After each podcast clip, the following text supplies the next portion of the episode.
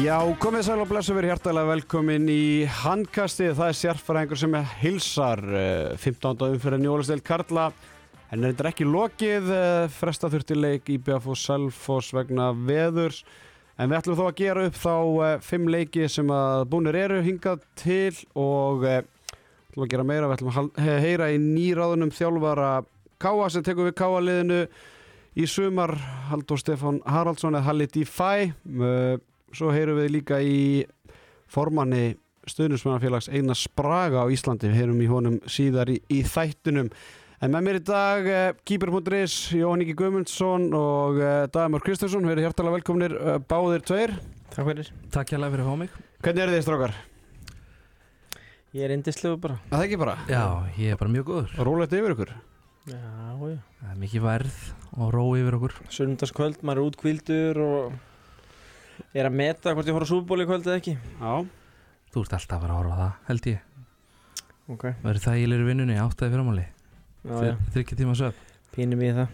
Já, sjáum, sjáum hvað setur uh, aðdeklisverð umferða að baki önnur umferðin eftir uh, áramót IBF ekki ennþá búið að láta ljósið skína vegna veðustrákar og voru eitthvað úti í dag eða heldur ykkur bara inni undir teppi Þetta var svona hús, bíl húsvaldi í dag. Það var ekki eng, eng, Já. engi göngutúrar eða ekkert verið að gefa öndunum brauð eða neitt slikt.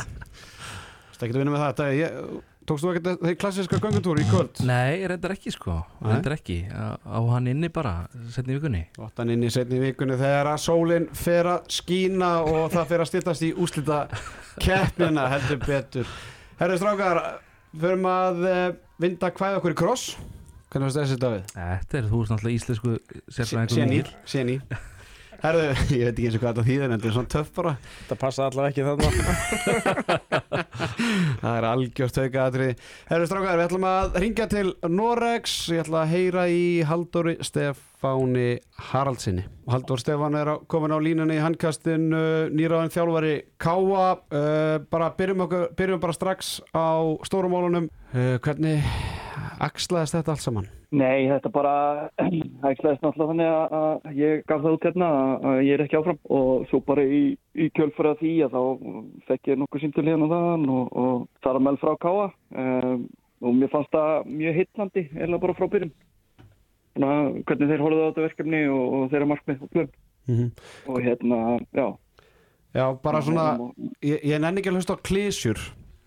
Ég vil fá, ég hérna, hvað hva heitlaði þið hjá Káa? Fyrir okkur sem að höfum verið að fylgjast með ólisteldinu í, í ár og, og fylgjast með handbóltanum að, að þá verðist, ef eitthvað er verið eitthvað lægð yfir Káa, peningarnir verðist ekki vera að streyma inn og, og þeir svona náðu ekki að styrkja sér fyrir þetta tjambili. Sérðu fyrir þér að, að þú getur styrt liðið eða eða hvernig sérðu fyrir þér svona plani á að fara í, að spila með, með ungum Káastrákum á næsta árum með það? Nei, nei, planið er náttúrulega bara að halda áfram uh, í rauninni að reyna að byggja óna það sem búið að gera. Uh, þú veist, ekki náðu styrkja sig, við erum samt KAS með, með helviti sterkan hóp í rauninni, þótt að það hafi kannski verið ofnið með meðsli í vettur og, og mist líkir menn út í langa tíma, sem gerir alltaf verkefni aðeins erfiðara fyrir, fyrir Jónatan sem er að þjóla leiði núna. Uh, já, það sem er heitlandi, margir ungi leikmenn að koma upp fyrst mér, hægt að vinna með, með fullt af þessum strákum sem eru eru á, á leiðin upp í, í gengum starfið og svo er metnaður í kringum félagið, það er mikið af fólki að starfa í kringum félagið. Eh, þannig að það er metnaður til að gera meira og ná herra og menn vilja það. Þannig að, hérna, auðvitað er þetta náttúrulega bara eins og allstað annar staðar að vellur ekkit uh, vellur ekkit út af peningum en, en, en þú veist, það er kannski þetta að segja ykkur á nokkuð krónur og, og, og gera góða díla. Mm uh, ég rætti við Jónatan Magnússon og talaði um að náðan var þetta bara erfið stað sem hann er í það er svona, ég talaði hann fyrr á þessu ári, á þessu díabila sem að vorum svona að velta fyrir okkur hver markmið káa væru og þau voru svona frekar loðin svörin en, en þeir vildu gera betur enn í, en í fyrra og vildu halda heima vellunum góðum og allt það en hann var samt ekki endilega tilbúin að ræða það endilega hvort að markmiði væri að komast í úslita keppnina þó svo öll liðinu þetta stefnið þangað en En þú veist, sérðu fyrir þér að halda þeim mannskap sem að er nú þegar og bæta við eða býstu við að að einhverju leikmenn hætti, ég menna Ragnar Njálsson hann verður ekki yngri Nei, nei það, er, það er bara hluti sem eru í rauninni í skoðun. Ég er náttúrulega skrifa undir í, í lókstíðustu viku og eða þessari viku í rauninni, rétt fyrir helgi. Þannig að hérna, við erum bara að fara yfir öll þessu mál. Ég uh, eðlilega vill, vill reyna að halda sem flestum áfram og, og reyna að byggja hún á það. það. Það er auðvitað þannig. En, en hérna, svo skilur maður það líka, kannski einhverju hver á eða, eða hætta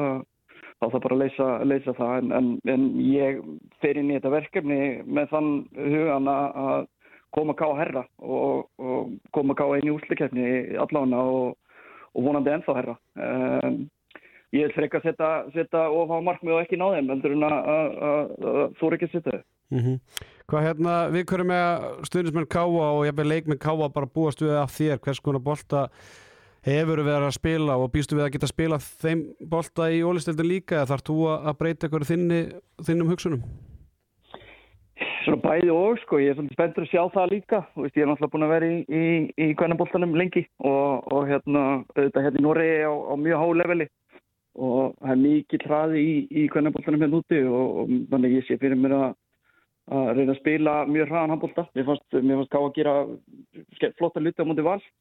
Uh, voru mjög sterkir í, hérna fyrsta tempónu uh, sumum köplum í leiknum og, og hérna mér finnst kannski mögulegt að auka saðan í, í setjum tempónu hjá þeim og, og koma kannski inn með eitthvað nýtt þar.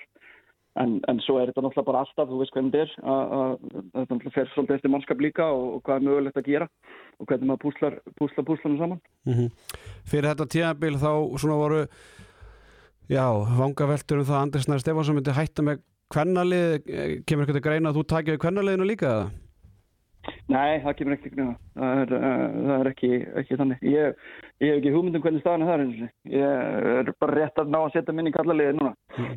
Uh, önnur svona vangaveltur sem að vera veltið sem fyrir sér ge- gerur ráð fyrir eða ertu komið ykkur ítök til Norex, getur þú náðið ykkur leikmenn frá Noregi eða, eða hvernig séu það fyrir þér? Það er alveg mögulegt og það er eitthvað sem við munum skoða á næstu, næstu vikum og, og mánuðum og, og hérna eins og ég segi, þetta er náttúrulega bara snýst ósa mikið um, um hvernig púslir raðast í myndina og, og hvað okkur vantar og hvað okkur vantar og, og hérna og þetta er bara, þú veist, eins og segi, þetta er hluti sem að ég er að fara í áfullt núna að skoða og, og setjast yfir. Og, hérna, en það er nú klárst að ég er náttúrulega búin að vera hérna úti í, í sjö ár, þannig að maður þekkir mann og annan og, stutt, stutt uh, maður þarf ekki að ringja mörg símtölinn til að, uh, komast í samband við, við þjálfur og leikmenn þannig að hérna, það er alveg mögulegt Mm.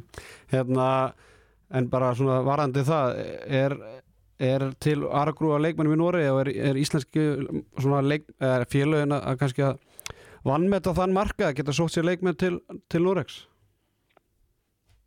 Já, það er góð spurning sko. Mér finnst hérna, kallaboltinn er náttúrulega búin að vera að vaksa gríðarlega síðust árin og, og úrvastöldin ennúti er, er orðið mjög flott núna.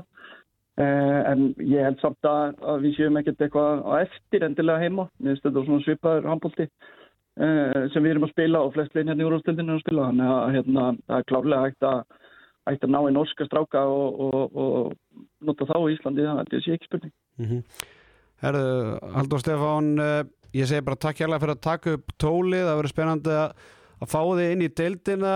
Þú verður að, svona, fara að senda mér fleiri skilabú að reyna að halda mig góðum því að þú veist hvernig það er að lenda í sérfræðingnum hérna í handgæstinu. ég hef engar ágjörð því. Engar því. Herðu, takk hérlega fyrir þetta og, og bara gangið vel síðustu vikundur á mánuðin í Nóri og, og sjáumst veskir á, á klakanum í sumar. Við gerum það. Ok, Ok. abæ Já, strákar Dæði, þú er ítök norður náttúrulega alveg upp fyrir norðan komið sér ráðninga þeirra óvart og eftir spenntur fyrir þessu öllu saman? Já, þetta er náttúrulega mjög aðtíklisverð ráðning og hún kemur pínu óvart en samt ekki. Uh, það er ekki allir sem vita það en að hérna, Hattur Július formar uh, handbóltildar Káa er og Haldur Stefán, þeir eru náskildir þeir eru að hérna og það var náttúrulega ljóst fyrir einhverju síðan að Jónatan er ekki áfram og ég bjóst svona við að Gulli og Sverri myndi bara taka þetta en hérna þetta er mjög aðtíklisverð ráðning og Halli er náttúrulega búin að fekk góða skólun á, á Selfossi í akademínu þar og, og, og hérna síðan tók hann mjög ungur við fylki og gerði fína hluti þar í einhver 5-6 ár og hérna svo bara búin að vera uh, tröppugangur og uppbyggingafassi hjá hann í Nóri með volda og bara ég samglest uh, Halldóri Stefáni að- fá þetta, þetta gigg og, og bara og þetta er bara vonandi mun bara ganga vel og, og verður flott fyrir báða aðela Mm náttúrulega fyrir það sem ekki vita þá hefur hann verið að þjálfa kvennalið Volta síðustu sjö ár. Þar undan var hann að þjálfa kvennalið fylgis tók við fylgisliðinu sko þegar það var í, bara í utaþettinni bara voru já það er bara hvort að fylgisliða var gjaldþrótt ef svo mætti segja en, en kom það síðan bara í byggarúslitin þannig að hann gerði góða hluti hérna. Hann var líka allt í öllu bara í félaginu rosalega djúlur að vinna í, í, fyrir deildina og, og hérna og já, held eða bara svona nánast klubnum á floti sko, í mörg ár. Er ekki bara frábært að fá bara svona menn heimskýri bara ég, ég, ég þekki hann ekki neitt skilur ég, bara, ég er bara spenntur að sjá hvað hann hefur fram að færa í ólistildinni Já, og hvað hann gerir fyrir káa og Íslingan handbólta er hann að veru eftir 12 ári í kvennabóltan þá var þetta bara flott fyrir hann að taka skref í algjörlega. Og þess maður gaman sketa að Guðlur Arnónsson verður hans aðstofa þjálfara á næsta tímabili, ég bara glemt að spyrja hann Ah, að í að spyrja hann að í síma viðtölinu en var að fá það staðfest. Þannig að, ok, þannig að Guðli Arnóns verður honum til hals og tröst en fyrst við erum að tala um káa þá vindu okkur bara norður þar sem að eh, Vals, Valsara komast, kom í heimsókn og eh, unnu þar fjögramarka sigur 36-32 eftir að hafa verið 17-17 í hálfleik. Uh, Saga leiksins er náttúrulega Björgur Páll Gustafsson bæði fyrirleik í leiknum og, og eftir leik því líka bullið maður vinn í sjoppunni og hvað svona hvað hva gengur hann til? þetta er alltaf voða mikið af fyrirsögnum í kringum, kringum bjögga ótrúlegt alveg sko. Segi ekki mér. Jú, segðu meira. Nei, nei, Hefur þetta ekki viljað sjá hann í vinni í sjoppunni? Já, það hefði verið, það það hefði verið kostileg sjón, það hefði verið svolítið gott dæmi. Hann fangar allavega rosalega mikið fyrirsögnum þar sko. Það er nú oft, oft þannig og, og, og svo náttúrulega bara meðsli og annað í leiknum. Já, hann þekkir þetta út og, og suður. Óla Gustafsson markaðistur Káman annan leikinu röðum með nýju mörgur 15 skotum, einar rapp kom tilbaka eftir meðslu var með 8 mörg markvæsleinu á Káa náttúrulega fyrir neðan allar hellur. Þeirra langvesti dagur í, í markvæslu á þessu tímabili. Bruno með fjóra varða bolta og, og Satsel með, með tvo. Hjá uh, Val þá náði Björki sér alls ekki á strik og var með tvo varða bolta mitti síðan og, og, Sakai Motoki kom inn og, og stóð sér bara vel með 30% markvæslu Stífan Tópar Valencia frábær með 8 mörg, Bennett Gunnar og, Tjörfi Týr með 6 Tjörfi Týr heldur betur að láta til sín taka bæði þessu leikum og móti Flensburg í Evrópakeppninni í, í vikunni. Uh, ég nenni eiginlega ekki að eyða ómiklu tíma í þetta því að því ég horfði á leikin þá var þetta svona típist umtal. Það er svona K er ekki nægilega góðir skilur mig samt frá, eða frábæri bara velgert hjá að maður verið stöðin 17-17 virðingavert á það og það skal ekki taka það af þeim. En svo bara keira valsararnir yfir þetta í setniháleik og skora sín klassisku 36 mark. Þetta er svona, verðist vera bara svona uppskriftin, Jói, af leik vals. Já, bara heldur enginn yfir það Skilu, þeir þurfi ekki einu svonni að gera eitthvað stórkostlega hluti til þess að vinna liðin í deildinni sko. Við heldum að FA væri núna alveg döð að fara að koma með eitthvað að náða þeim í bólum daginn og það fór og það fór. Ég maður bara þeir eru bænt á ásvell hérna fyrir veturmunni þá með mjög lemstra lið og maður bara nú haugati bara með nýja mann í brunni og nú neglar það. Neini, það var það var ekki hægt að taka einn steg þar sko, þeir, ég veit ekki þeir verðist bara að vera klassa ofar en hinnir sko. Mér fannst þeir bara lulla svona í þriða gýri setni áleik og náðu þetta 5-0 kapla og mér fannst þetta aldrei hættu og rúluðu liðinu bara vel og þráttur að vanta eitthvað þrjá fjóra leikmenn og þetta var þeir bara eru svona frekar örugt sko. já, og er, eru þeir ekki líka bara með Evropakeppinu og annað, þeir eru bara svakalegu svona spiltakti og það eru allir að spila skilja, það er allir, það er alltaf einhverju myndir og einhverju frá og þá spilar einhver annar meira þannig að það er einhvern veginn allir Allir feskir bara og allir eða svona Ég, langt fe, oftast það, það, það er bara allir með á nótunum skilju, það er, ekki, það er enginn í fristikistunni þetta er bara geggjaður hópur og Það er, svona, það, er eitt sem, það er eitt sem ég hef verið að svara svolítið fyrir og, og, og rætt aðeins hérna, síðustu dag og vikur og er það varandi það í hversu góðu formi valsararnir eru. Þeir eru í ágætis formi en það má ekki gleyma því að, að breytin er enn alltaf rosaleg og ég meina Arnur og Benni þeir spila bara sók svo hlaupar út og, og skipta. Alexander Júliusson er bara í vartanskiptingu Oggi og Tjörfi skipta bara innbyrðis. Maggi fer í sína klassísku fjóra-fimm ára og svo hlaupar hann út af. Robby sama þegar hann er heill. Það er svona Steven sem spilar helling bæði náttúrulega hraðablöf bakur í vörn og, og í hotninu og finnur svona spilar klassíst alveg freka mikið en Bergur í leiði samt verið að spila slatta þannig að auðvitað hefur þetta áhrif hversu mikið hægt er að róta í liðnum og svo kemur leikmenn sem Tryggur Garðar Aron Dagur þannig að þetta er bara breyttin enn alltaf að gefa þeim bara það að þeir geta að spila svona. Ef þeir væru ekki með Aron Dag og Tryggva og, og Maggi og, og Robby þyrft að spila 20 minnum meira en þeir gera í leik þá gætur ekkert verið að spila á þessu tempói. Og ég er ekki bara gott og svona ógeðslega marga qualified leikmenn skilur að vera með mikið að skilurðu Jú, jú, bara Þegar halda þeim allar á það er tónum meittur, já, Robert er meittur og þá er bara að spila rættaðu meira eða, eða whatever skilja, það bara er alltaf allir að mm. og það er bara tveir, þrý leikir í viku alltaf árið nánast sko. Það er svona eitt, eitt varandi kálið var hérna svona ég hef smá, ég veit ekki hvort ég hef áhyggjur en, en Skarpján Ívar Einarsson hann eh, hann með eitt markur einu skoti uh, í leiknum á móti herðir með 0 markur úr einu skoti svona, hvað, hvað mótur hann? 2005? 2005 Já, þú veist, hann er rosalega ungur en ég verði að viðkynna það með hvernig er talað um hann hefur verið talað um hann að, fyrir norðan að hann hefði tekið hálfu skrefi eða ekki einu skrefi starra núna þessu tíðanbili miða við sko, Óli Gústa meittur allt allan fyrir árumót og það eru leikmenn á hans aldri að stíga heldur betur upp í deildinni. Eins og reynir.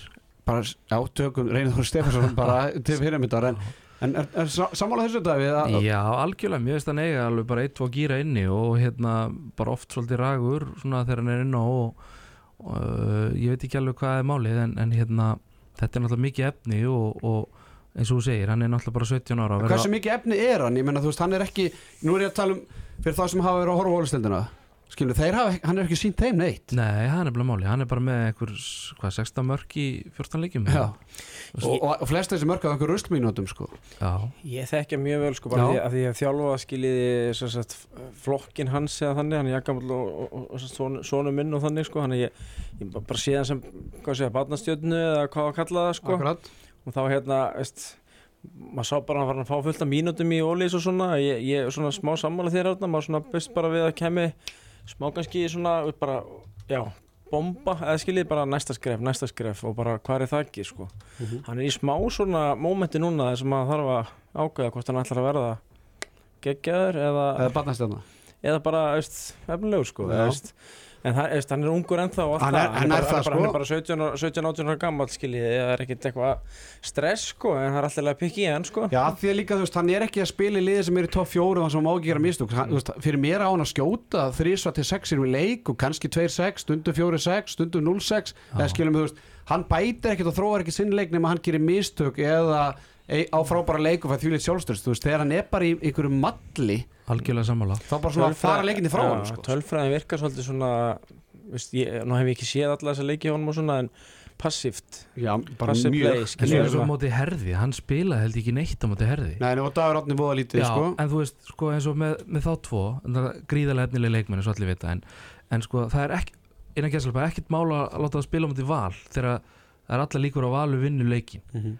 en þú voru að þóra líka að setja inn á móti herði sem er svona in, já, þú veist, 50-50 leikur þannig laga sko. En ég, já, ég var fyrir vombriðum að þeir hafa ekki svona bara, veist, spila meira þar og, og stimpla sig all, all ressilega inn sko. Sammála því, ánægilegt að Óli Gústi tvo frábæra leiki í, í röð eins og ég sagði, virðingavert Káa 17-17, ekki það, það var enginn að búast við að Káa myndi vinna þannig leik en, en, en uppskeran eftir 15 leiki 11 stig sítja 10. sæti deildarinnar Va, Hvað segirðu? Já, mér langar kannski að minnast eitt, það er mjög gaman að sjá Jens Línumann. Strákur fætti 2006 held ég. Já, hann er geggju típa hann er alveg frábær og hérna hann skoraði gott mark og, og bara, já, virkilega gaman að sjá að hann er að fá mínútur og, og tröst og, og svona, hann, er, vonandi hérna heldur hann áfram að já, brunna upp hann geti farið mjög langt. skalan Þetta er svona enn eitt leikmann sem kemur úr kýlskólanum. Já, já, nákvæmlega Er ekki Jói. Jú, jú. Vi, Við eigum ansi marga í landsliðin í dag. Við tveir sérstaklega. Herðu, eigum við að vinda okkur hvað er kross núna þá eða? Já, nú vindum við okkar hvað ykkur, nú Ok, ára við. Ok, förum hérna vestur á, á Ísafjörð þar sem við hörður á IR áttust við í, í bóttbáratu slag, bóttbáratu slag, fallbáratu slag, hvernig við orðum það. Íringar Þeir unnu síðasta leika útvelli 11. mars árið 2020 Þeir unnu IBVF 33-29 Þetta er síðasta leikunum fyrir COVID. Wow. uh, síðan alltaf fóru þeir í gegnum tíðanbili eftir það bara á þess að fá stig í ólistöldinni svo alltaf voru grillu núna. Og þeir hefðu getað sótt sinn fyrsta útisigur á þessu tíðanbili gegn botliði Harðar en gerðu ekki. Uh, Harðar voru 15-13 mörgum Uh, tvö mörgum yfir í hálfleik 15-13 en leik uh, lauk með jættefli 30 30 enn eitt jættefli í deildinu og ekki það eina í, þessari umferð. Strákar, þið horfðu á leikina á Hörðu TV Davíð? Nei, ég, eins og aðri reyndi að gera heiðarlega tilvæm til þess að horfa á þann leik en, en það var eitthvað með st- streymið. Það var einhver, Tæknilega hörðuleikar, það var hennu Tæknilega hörðuleikar Æ, ok, þannig að, að við, það er enginn á okkur búin að horfa á leikinn. Nei, þetta var náttúrulega kaplaskiptu leikur og, og hérna og, en, Þú ætlar ekki að fara að mala um eitthvað leik sem þú er ekki séð Já, en ég meina, sko, því lík vombrið fyrir harðamenn að ná ekki fyrsta sigurinn. Þe, úst, þegar þeir sá leikja niðuröðuna fyrir tíambli þá er náttúrulega þetta bara fyrsti leikur sem við hugsa bara, herru, við vinnum hérna heima á móti í er en Það hefði verið gott að geta sínt það líka sko. Já, ég meina, er, út, úr því sem komið er, er harverið að fara að ná í, í, í sigur, Jói? Veistu það, ég held að verði bara svona næstu því daldið sko. Veist, ja, nei, ég ætla bara að segja nei Nei, þannig að þú býst í því að, það er ekkit, að þú ert Nei, að fara ég- erfiðulegin með því að segja nei, sko Nei, ég er ekkert að reyna að vera leðilegur heldur sko. Nei, Ég nei. er bara, ég er bara veist, ég, ég heldur veist, að sé alveg orðin aðeins betri en voru og það er búið að kaupa einhverja veist, nýja menn og allt þetta sko. ég, er bara, ég held að sé bara ekki alveg þar samt því að allir leikir sem þeir eiga eru veist, við lið sem eru að keppast um að komast í úslakefni eða keppast um að eitthvað skiljiði og það er enginn að fara að gefa neitt eftir sko. Sverrir Kristjánsson leikmar í er markaðistur og leikmann af allaris með 11 mörgur 15 skotum þar á 6 mörgur Víti, Viktor Sigursson 6 og Sveit Brynjar 6, Arnar Freyr Guðmundsson náði sér ekki á strik með 1 mörgur 3 skotum hjá harðverjum. Var Japanis Suguru Higafa markaðistur með 6 mörg uh, spánverinn Mikael Ar Aristi með 5 mörg og og frakkin Leo Renaud David með fjögur mörgur áttaskotin það var tvö mörgur víti, hann fekk raukt spjald í, í leiknum og þá svona eftir það var þetta orðið svolítið erfitt fyrir uh, harðverja. Ronald Lebedebs sem var með 10 varða bolta meðan Ólaður Rapp Gíslason var með 13 hjá Íringum 16 í heildina. Uh, svona sangvað því sem ég lesa á vísi og það verður spennandi að sjá uh, sérfrængurinn og Lói Gersson verði í setjabilgin annað kvöld þar sem að við munum fara eins yfir hann loka kapla sem ég ekki sé enn, ennþá en það var vist mikið spenna það segir sig alltaf tölunar hérna, segja það og, og, og margir svona vafasamir dómar, ég veit ekki ennþá hvernig voru dæma þannig að ég ætla ekki að fara djúft í þetta en, en það stendur alltaf henni umfylgja að vísa að hörðu fór illa ráða sem undir lokleik sem tapaði boltan nokkuð ofta á klöðan hátt og brenda og upplöðum margtækifærum þetta er svolítið saga harðverja já, Já, þetta er búin að vera svolítið oft í vettur svona þröskuldur sem þeir ná einhvern veginn ekki að veist, þeir ná ekki góð, veist, ná ekki þessum góða þegar þeir þurfa hann sko. en, ég, en, ég sé, en ég sé líka að stingu mig að þú segir sko Arnar Freyr Guðmundsson 1-3 sko. Já. ég menn þetta er nú að hann lítur að vera eitthvað meittur eða eitthvað, hann tekur meira þrjú skot í leik fyrir þetta írlið ef allt er Já, eðlilegt það bara lítur að vera hérna það munur alveg minna fyrir ír þeir eru ekkit með tvöfald út í línu sko þannig nei, sko nei, nei, nei. En úr því sem komið þar, hefðum við ekki viljað fyrsta, þetta fór svona, fyrst að við fengum ekki bara fyrsta sigurinn fyrir vestan að ég hef bara vinnað leik farið í, í sjö stig og verið fjóru stigum eftir K og, og gróttu eða Þú veist, e- var þessi úrslit ekki endalega bara að gera út af við einhverja fallbátu Já. já, ég meina ég er og Káa mætast í næstu umferð Ég er að að það er samt Já. ennþá sko, þú veist, fimm stig þannig að Já, það já. Þetta verður svona strákar, það er nú bara þannig. Þetta verður hörður og ég er Já, hérna- já, já, hérna í, kjallaranum og það verður erfitt að Og mótmæla því. ég er ekki að berjast við að reyna einmitt, ná kannski inn einu, tveimur óvandum og svona ít eitthvað í hinliðin en, en það eru líka allir þar sem að vinna einhver leiki sko, þannig að Það er er erfitt að mótmæla þessu, Jóhannes. Ég, hérna, ég er ekki frá því. En það er e- erfitt að ræða eitthvað og ég ætla ekki að fara að eyða einhverjum fleiri mínútur í mínu lífi að ræða um eitthvað leik sem að ég gat ekki sem sé þrátt fyrir að hafa viljað það og, og síðan er ég með tvo frábæra gestir sem reyndu slíkt þið sama en, en þetta er ekki fyrsta skipti sem að vef útsending harðar klikkar. Nei, en segðu mér alltaf það hvað er að frétta rússanum? Rússin, Alex, hann er að, að, að hérna, koma tilbaka eftir fingurbrot uh, þannig að það er svolítið staðan á því og, og ég, þú veist, að setjum að bara, spurningmarki við það, þú veit að sækja einhvern útlending sem að kosta félagskeptagjald og eitthvað pening og, og, og eitthvað hérna, búsetta og eitthvað svona. Og ég meina liða löngu falli þegar hann mæti til leiks og svo getur vel verið að hann geti ekki neitt og verið farin í sumar. Ég segi bara að það er eins gott að þessi leikmaður geti eitthvað og í öðru lagi hann spil með liðinu næsta ári. Ég vissum að hann verði með með næsta ári. Þeir eru ekki að tjálta til einna nættur með þessi fjölskyld En svo er Baba, eins og markmaðurinn kallaður Íranski markmaðurinn, Baba Hann er, honum er bara ekki hleyft inn í landið. Þannig að hann er ekki ennþá komið til landsins. Já, ok. En hann er komið félagskipti Og hérna, hann ætti að koma bara á morgun Ef, ef veður leifir En hérna það verður frólægt að sjá hann í þeim.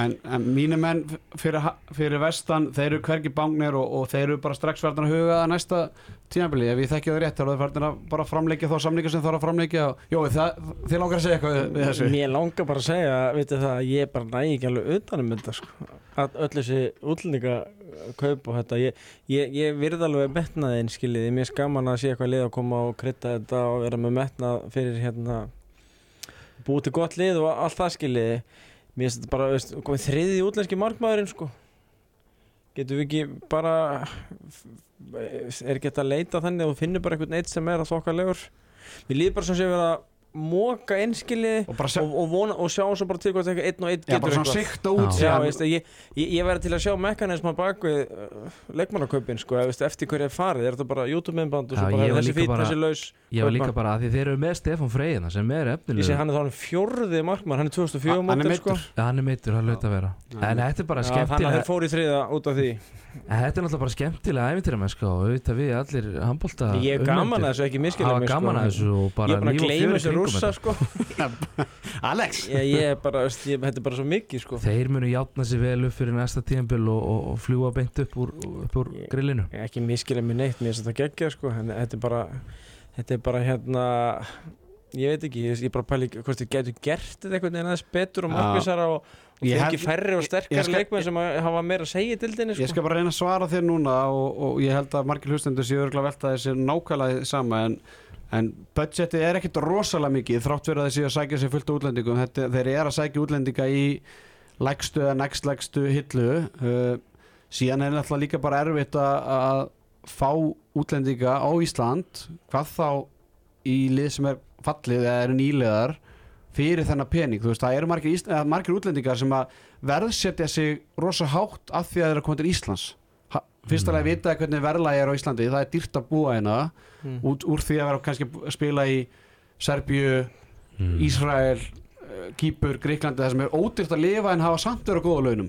Skilur miða við gæði deildar. þannig að útlendingar verðsetja sig rosalega furðurlega sérstaklega leikmenn frá Austur-Evrópu og, og, og öllu því bara til Íslands ok, ég er ekki fara þangað og lifa á hrísgrónum skiljum við þannig að að þetta snúist allt um þetta það er bara hver er tilbúin að koma sko. þú veist, þú Mm. þarf eiginlega fyrst að komast að því bara hver er tilbúin að koma Mm. Það, er, það er kannski einn af hundra leikmenn sem harður verið að skoða, eða bara Íslensk lið sem eru tilbúin að koma og er hann nægilega góð, nei ok, þá þarf fara að leita næstu hundrað en svo kannski er þetta komin í eins harri skuffu af leikmenn, ef þú bara segjum við svo aftur líka að fengi Hamza Kablúti Mm. það rándi leikmaður, hann var ekki frábæri handbólta skilum og, og, og fleiri þannig að ég býð svolítið eftir því að einhver íslensku leikmaður þóra að taka skari og fara vestur.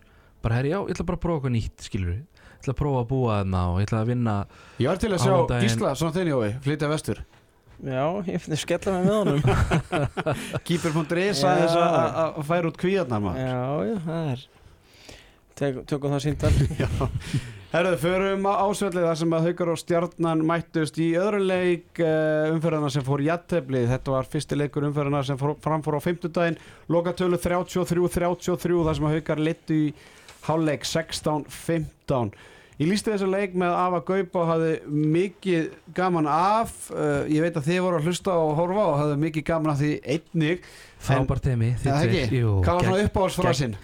Eh, þegar Jói P. held góðum takti varnalega, það, þá skellti ég upp úr og ég veit að Jói gerði það líka sko. já, mér fannst svona fyll mikið í góða þegar það kom Það er að hafa gaman að þessu drengir en, en strákar, náttúrulega bara saga leiksins er náttúrulega bara innkoma þráins orra inn í, inn í haugaliði eftir krossmannslit og svo að sjálfsög Aron Raps Eðvarssonar Jú, þú þekkir náttúrulega Aron Rapp mjög vel bara, hvernig getur þú líst bara því hversu mikilvægt það er fyrir haugaliði að fá Aron Rapp inn í, inn í lið Ég meina þetta er bara, veist, ef hann verður bara þokkalegur úr tímabilið þá er þetta bara, hvað segja, púsli sem er vantað í liðið. Ég held að, ég get, get allir séð það bara sem eru með auga hausnum, sko, það er búið, markvæslega haugum hefur verið mjög slök í alla vetur og ef þeir geta farið að mattsa bara markvæslega anstæðingsins í raun og verið hverjum einasta leik, skiljið þau séu ekki að tapa því dúeli markmaður versus markmaður og það sé ekki etsið eins og hefur kannski verið í mörgum leikjum og þá held ég að haugarnir séu bara konur allt annar stað, sko.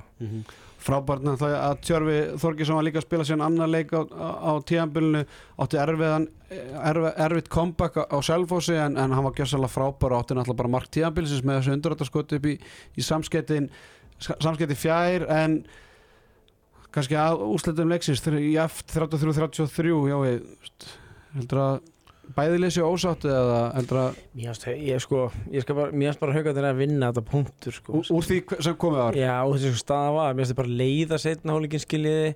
Og mér, finnst hérna veist, Stefán Rapp fyrir annan leikin í röð fyrir með vítakast.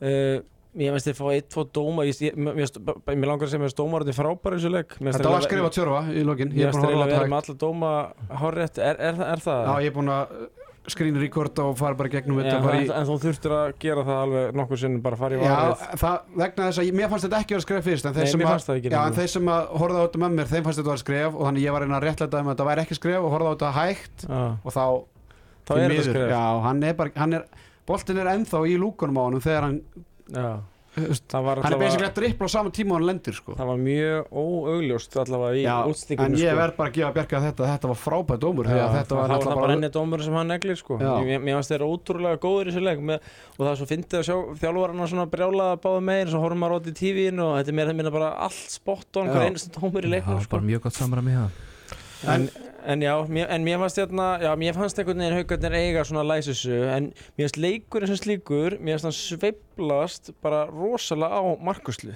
Mm. mér fannst bara Siggi Dan geggjari fyrirháleikskiliði og En þá ekki er með einhverja tólbólta var það í fyrir Já, bara, líka bara ótrúlega góð skoð sem hann var að verja svo kemur Aron veist, og þeir ná fjórustu, svo kemur Aron inn í þegar hvað, kort er búið, 20 minnir búin að fyrir eða eitthvað. Og hann ver strax nokkra boltaskilið og þá ná haugarnir etsinu og jafna og, og Siggi dettur hans niður. Þá kemur Arnur Freyr. Já, og svo, svo, og svo í setnháleik þá er Aron góður fyrsta kortir í setni, tekur hann hotna skot sem ég myndi segja að vera hans mesti styrkleik í dildinni, hann er geggjaður hotna markmaður sko og, og svo dettur Aron niður síðasta kortir þar sem hann hefði þurft að taka 1-2 í viðbót og þá kemur Arnór inn og tekur vítakast og hann tekur hann eitt undraðskot frá Geir Guðmunds og veist, mjög mikilvæg bolta fyrir stjörnuna þannig að þeir svona tróðast inn í leikin aftur sko. Talandi um hérna talandi um síðasta kortir, markvæslu síðasta kortin ég er með skildi í setjumilginu á morgun þar sem að ég fer yfir tölfræði markverða og, og tölfræði markverða á fyrstu 45 og svo síðustu 15 mínútunar myndur ekki telja að þetta væri svona mikilvægstu mínútunar fyrir markmenn að verja? Það er þess að síðustu 15 mínútur. Ég hitti mitt bara Aron Rafna ásöldum í morgun og hann var ekkert lítið pyrraður yfir að verja ekki eitthvað síðustu tíu minna því að því sko, ma margir leikir maður veit bara að leikinni verða jafnir. Það er eiginlega alveg sama hvernig uh, leikurinn er þannig, hann er oft bara í balans eins, eins og hauka stjarnan þessi leikir eru bara alltaf í balans þegar tíu minnur eftir. Mm. allt getur gerst. Þá eru bara tvei, þrjú bolta varðir skiljiði bara munurinn sko það sem kemur að, það sem að ég ætla að hérna, gefa hlustendum það sem að hlusta þáttinn fyrir setjumilginu á morgun. Ég ætla bara að, að varpi sig hingað að, að tveir þeir tveir markmenn sem eru með bestu próstummarkvæslun á síðustu 15 minútur koma úr sama liðinu. Já, hvaða lið er það? stjarnan. Nei, uh, uh, segir nokkuð, Valur? Nei, Káa? Káa. Það er Bruno Bernat og, og og hvað fyrir lítið fyrir þessu. Sko, er þannig. Satchel með 44% markvæslu síðasta kortir í leikum okay. það er mjög og það fer upp um 13% með hvað hann er með 31% markvæslu á fyrstu 45 og eh, Bruno Bern- Bernat er með 30% markvæslu á fyrstu 45 minúturum og fer upp í 38% Nei, er þetta ekki svolítið mikið af Ég meina nú setur Káa eitthvað í tíundarsett Jú, en ég hugsaði sko að ég ætla líka að taka tölfræði varandi það hvaða leikmenn veist, skora eða taka skara á síðustu 15 þú veist, en þá getur svona rustmínuturnar hvenær eru rustmínutur fyrir markmenn? Er það ekki þá frekar erfiðar að verja á rustmínutur þegar vörðin er bara hægt og En það er oft kannski eh, kannski lókleikja þegar anstæðingurinn er búin að skipta inn á eitthvað mikið og, og þá færðu en Eskilið, það, það getur svo verið alls konar. Mér gruna það til ef að þrjú, fjögur efstu liðin væri með 44% markvæsli svo korteri þá væri það stiga, mikið stiga söfn í því sko.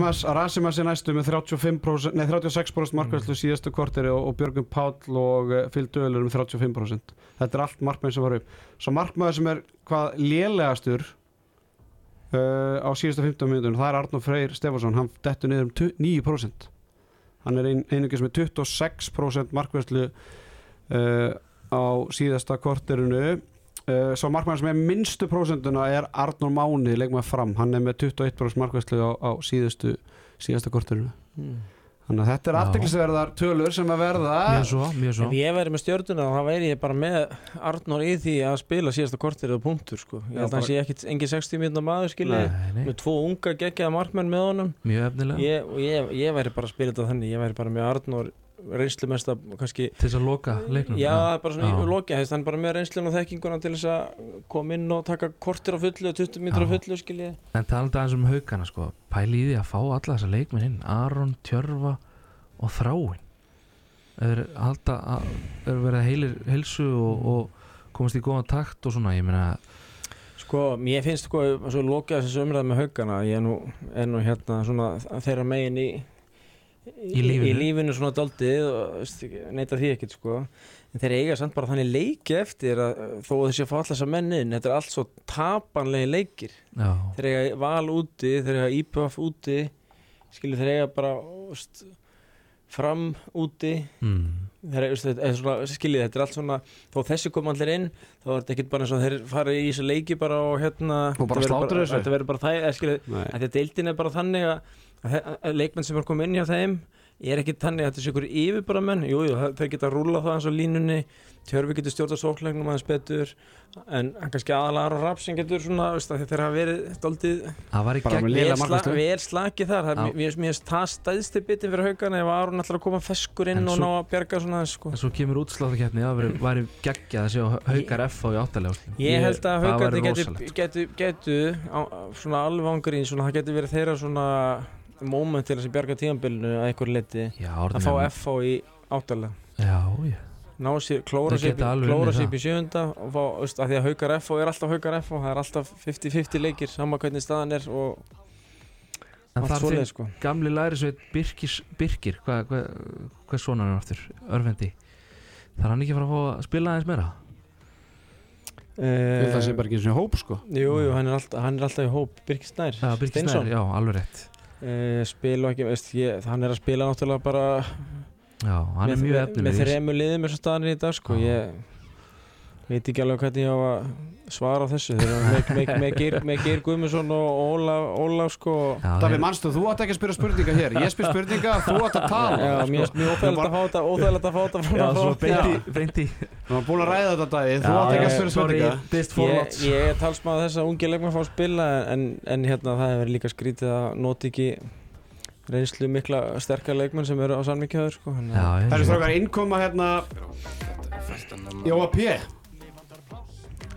Hún var góð, kom bara í bakverðin og, og, og bara tók vel á því. Já, það er bara flótur. Já, bara reyfalegur og góð fótavinna og Það var svona óvænt útspil bæðið náttúrulega pattir að gefa aðastinni Erni tækifæri, hægri skiptinu og hægri hotninu náttúrulega var svolítið til nettur eftir að starri færi þetta rauða spjald, við ræðum það kannski eftir en það komur óvart að, að Patti bara hendið sínum, hann er ekki eins og sé búin að spila marga mínútur í jólistildinni til þessa.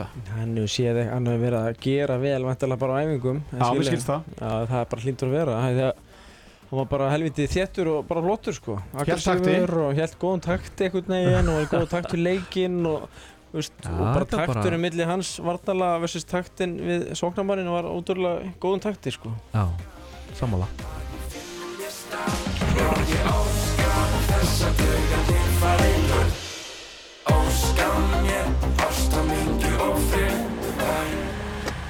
Þetta var alveg í lægi hjá honum allavega. Er það ekki? Eh, Hérna, þetta víti hjá starra. Góður. Þetta víti hjá starra strákar, bara endum hann að leika á þeirri umræðu. Ég misti bara boltan, þetta er bara óöfni sko, slis, þetta er ekkit Þetta er ekkit til að Það tala um. hann bara. Þetta er ekkit til að tala um ógrins Ok, það bara ræðu það ekki meira. Nei, Nei. Uh, besti leikmaður stjórnunni í þessu leik var náttúrulega Sig- Sigurd Dan Einmitt. Óskarsson í fyrra hálfleika en, en Tandri Már Konradsson náttúrulega dró vagnin og, og náttúrulega tekur yfir sóknarlega í, í setna hálfleik og, og verður nánast bara óstöðandi hann fer ótrúlega töðunar á mér að hann skori 7-8 mörkjuröð á sama stað á markið. Bara upp að vinstri hendina á markmannum bara, veist maður bara að horfa á þetta bara í 3-4 ári röð sko. Og það er ótrúlegt að, að, veist, að einhvern veginn, hann skuli ekki vera Þetta, bara að var, rekar á þetta, veist, skilji þetta vantaði góða markmannstjálfur á bekkin Ný, þetta er ábygglega bara að fara yfir þetta sko, þú þurfum menna að skila því komin á völlin sko, því að það er svo, það er svo dýrt einhvern veginn að taka ekki svona eitthvað að því sem er svona daldið gimmi sko. mm.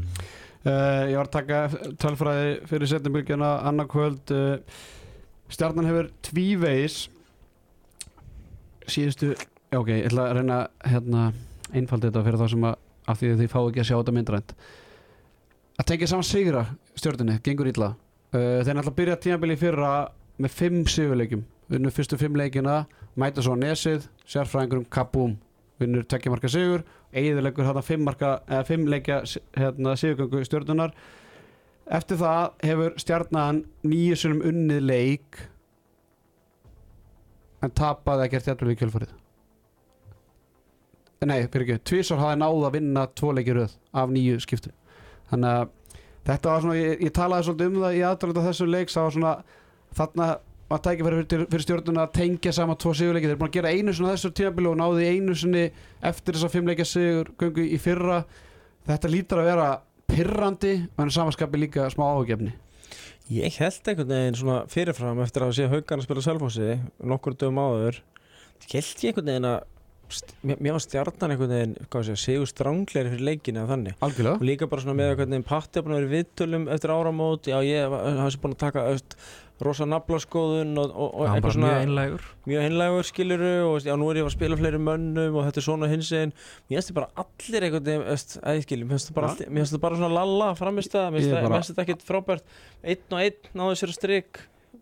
Ég er bara alveg sammála. ég veist ekki dagann fítni fyrir tandri góð sóknarlega en hvað hvað voru hinnir skilji þetta var bara mm. Björki var lélur, Já. Hergi var lélur þú veist, Pétur var ekkert spes nei, hæra vengurinn einmitt þetta var svona rúlar á mörgum skiljur en, en það er engin að eiga eitthvað leik sko. Akkurat, herruðu, vindum okkur á, á nesið og fyrir við næst síðasta leikin í þessum þætti áður en við fyrir að vinda okkur í eitthvað allt annað og miklu skemmtilegra.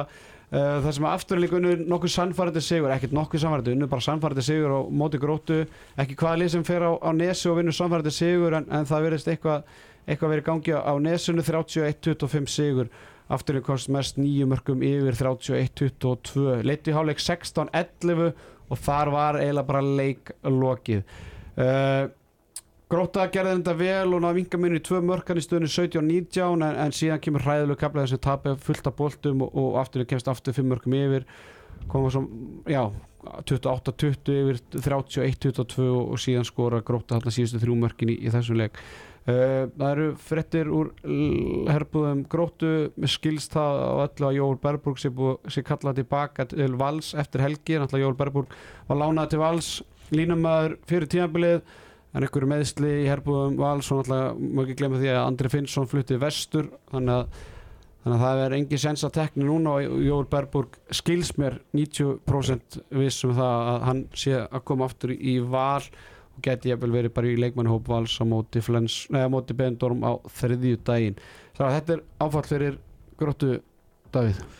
Já, mikið áfall, stóru sterkur strákur og, og, og hérna, mikilvægur í, í varnarleiknum hjá þeim og, og svona. Já, hann er alltaf búin að spila leysa Hannes af í, í þristunum og, og hérna veist, eins og staðinu núna þá bara bendir allt til þess að gróta að verði bara með eitt línumann það sem eftir lifir tímabil þannig að það er hérna grátlegt. Lúðvík Torberg var meittur og var endur á leikmannhófnum en var ekki með í þessum leik. Uh, sóknuleika gróttu var ekki upp á marga fiska í, í fyrraháleik skora 11 mörg og voru búin að skora 9 mörg bara eftir rúmlega 25 mínútur. Eina Baldvin bara hræðilur, bara hans vesti leikur held ég bara í gróttu búningnum og hann er ekki með tvo bolta varða í fyrráleik jú, 9% markvöslu já, sko, hann var með tvo varða bolta í stöðinu 1917 þú veist, þe þegar grótta næmi þess að mingi tói þá var hann ennþá, svo hann tekin út að einhver 4-5 skot. Já, þú svona líkt, líkt varst með ágætla, ágætla myndlíkingu á þessu? Já, ég sagði, sendi ekki okkur að gróta án Markusla væri eins og barn án móður. Ég, ég veist bara svona gróta hvað sé, bestu gróttu framistuðunar og bestu úslis þeir hafa náð síðustu bara tvö árin raunveru og bara síðan þú varst með liði það engendist á stórkostleiri Markuslu þú varst með Stefán Huldar hérna sínum tíma sem að ég, ég, ég veit alveg að sórhunleikunum var ágættur og allt það skilju en hann dáldi náði þessi stegi fyrir þig sko veist, og mér finnst einabaldir hafa verið langbæsti leikmaður gróttu á svona byrki svona í þessu gróttuliði sko. Hann, einabaldin er ekki bara að eiga mjög góðan leik þá er þá er þetta bara vonlust sko Já, svo Ég er það með það. 16, 16 tæknifeila líka og hérna, þú veist, þeir með ekkit við þessu Þetta er sko. bara helst allt í hendur þeir verða að vera með sterka markuslu sko í einhverjum einasta leik sko. Já, ekki bara þeir, ég held bara að það svona, hefur sínt sér bara á þessu tímabili að hversu mikilvæg markverðir eru hjá hverju einasta lið. Það er fálið sem er að vinna leiki með lélegri markverðslu en heldur en anstæðingurinn og ef það er þannig þá eh, er það eitthvað mjög lítið sem að munar á, á liðunum. Mér finnst það svona eins og, eins og með gróttu skilju þeir eru vinna ekkit marga leiki en á nesinu skilju þar eru þeir alveg fínir á heimaðalli og með veist, einaboldin í stuði sko, veist, það sem Mm. hann að verja mikið að 6 metra skotum og veist, og með þessar sendingar sínar og allt, veist, og allt á flegi ferð sko, þá, Akkurat þá eru þeir alveg stór hættulegir sko. Það, það er svona það sem ég hef áhyggjur af svona, ef maður horfir aðeins fram í tíman ég hef áhyggjur af því að, að gróttan verði bara úr leik í báratum úrslutakefni fyrir, næst síðustu, fyrir síðustu tvo leikina þeirra sem er að móti herðu og káa og þetta Já. er svolítið svona veist, það er hundlega alltaf að eiga þá leiki inni, vinna þá þegar ekkert undur og herðu á, þú veist, það er, þú veist Það hefði verið gaman að, að segja maður gróta hefði bara unni káa og hörði í 14. og 15. 15. umferð og væru allavega í einhverju smá herðu, það er bara eitt stig í úsleikinu en núna er þetta fjögur stig Já, það gengur ekkert, þú veist, þeir tapa það með val eftir að það eru fjóru-fimm mörgum yfir bara og lungar á leiknum, mm. tapa svo bara sannfærandi tveimleikjum í röð núna þú veist, það er svona ég, ætla, ég vil ekki eins og meina að þessi brekka á nesum, ég veist það bara vera heldur stór gjóta sko.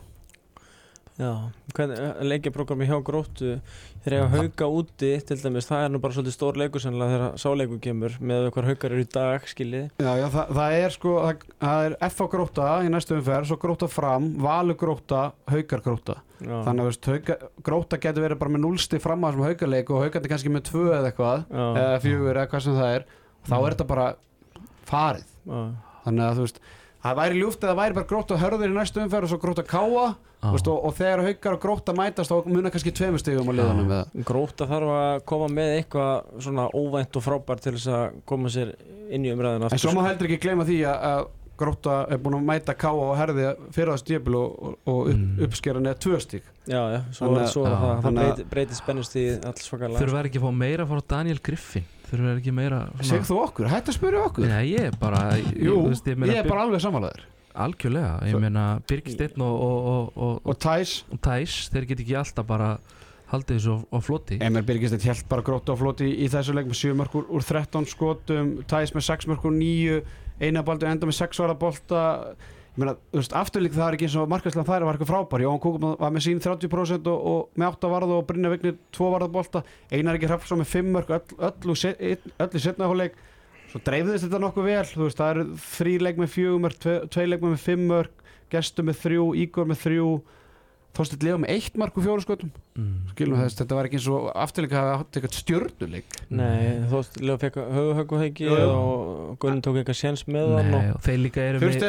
Þeir eru líka með sko. undir með þetta þeir eru náttúrulega eiga mjög mikilvæg leik fyrir norðan á miðgudaginn á mútið Káa í byggarnum um að komast í Final Four þannig að hérna En ég sé bara svo gróttu, ég hugsa tilbaka, þú, nú ertu að segja með leikjaprogrammið þeirra og svoleiði, sko, þeir voru alltaf bara með val í köðlanum um daginn, sko, á heimavelli og þeir láta Daniel Emmett Griffin taka bara síðustu tíu ákvarðanar í leiknum, einu fleiri og mm, Vítakastið skotið, og- vítakastið og skotið völlin í lappirnar á Sammerja og veist, í hvað þetta var, sko. Já, býtu gróta fyrir 7 og 6 Ótrúlegt, í sko. þessum leik? Er það ekki bara allt og seint eða?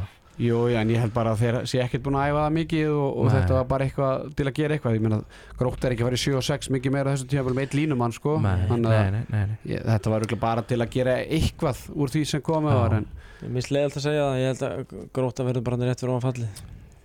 já, rúm, gott rúmlega það en ég held að við verðum bara ákvæmlega samast á K.O. og það verður örugglega einhver áttastig þegar upp við staði upp í áttundasæti því að ég meina, þú veist, hvað er alltaf gróttan á í sigur eða gera það ekki mótið aftur líka heimavelli þú veist, eða gera það ekki mótið stjórnun þetta eru liðin sem að gróta hefur bara verið nokkuð góður, eða svona góðum málum með, með á síðust ár Eða, eða í leikjum eins og, ég veit að það var valur sko, en í leika sem ert bara algjörlega með kontról á leiknum og, og lítið eftir Akkurat, Svona, akkurat. svona, þess að ná ekki að loka því þegar ert með góða framistöður sko.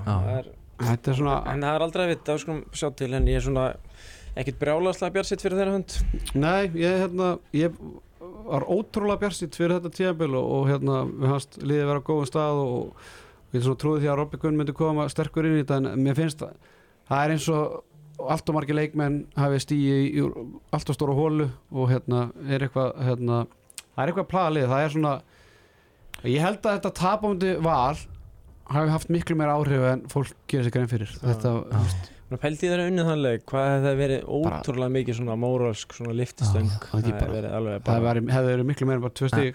Rob, Robby er alltaf bara fyrsta ári sem þjálfari og hann er að læra og, og hérna og þeir þurfa þá bara að spýta í lófana næsta ári ef að Það er alltaf næsta ár. En, en Það er alltaf það að góða í bóltanum Það er meint, það er saman hvaða bólta ég þurft að það er. Takk fyrir þennan punkt Aldrei er þennan áður. Spítis bara spíti í lóðan Það er ekki svona svolítið 90's sko, Þetta verður ekki meiri frasi sko. Herðu, förum í Alltaf ekki farið í saðmýrina Heldur alltaf í úrlóðsvartalinn Það sem að F-hangaturinn uh, fram í loka leik uh, Þeirra leikja sem eru búinir þessar umferðu 26 uh, eh, maður leiksins og maður umferðanar var Einar Bræi Aðarstinsson og við heyrðum í formanni stundismannafélags Einar Spraga á Íslandi Hrafkjell Freyr Ágústun rétt fyrir þáttun og, og heyrum hvað hann hafði að segja. Er komin Hrafkjell Freyr Ágústun einn uh, aðal uh, stundismadur, já formar held ég stundismannafélags Einar Spraga Aðarstinssonar og það er glatt, glatt á hjalla á þeim bænum í kvöld. Hrafkjell, hvernig er svona stemmingin í, í stundismannahópnum eftir leik kvöldsins? hún er reyngilega góð og við erum náttúrulega líka bara, veist, þetta er svo sætt út frá því að ég er nú að segja mönnum frá þessi hérna vettur og það er búið að vera hleyið mikið að mér og gert grína mér og veist, alls skils bara skilabóð sem maður er fengið fyrir að kalla henni gæja langt besta gæjan í dildinni. Já, og, og þú, einmitt, þú er nefnt af vimmi svona í, í skilabóðum og samfélagsmiðlum að, að þú einmitt, hefur brátt í erfileikum með að fara út í búð uh, og sérstaklega með kringum jólin þarna, eftir hérna, desember hérna, törnina.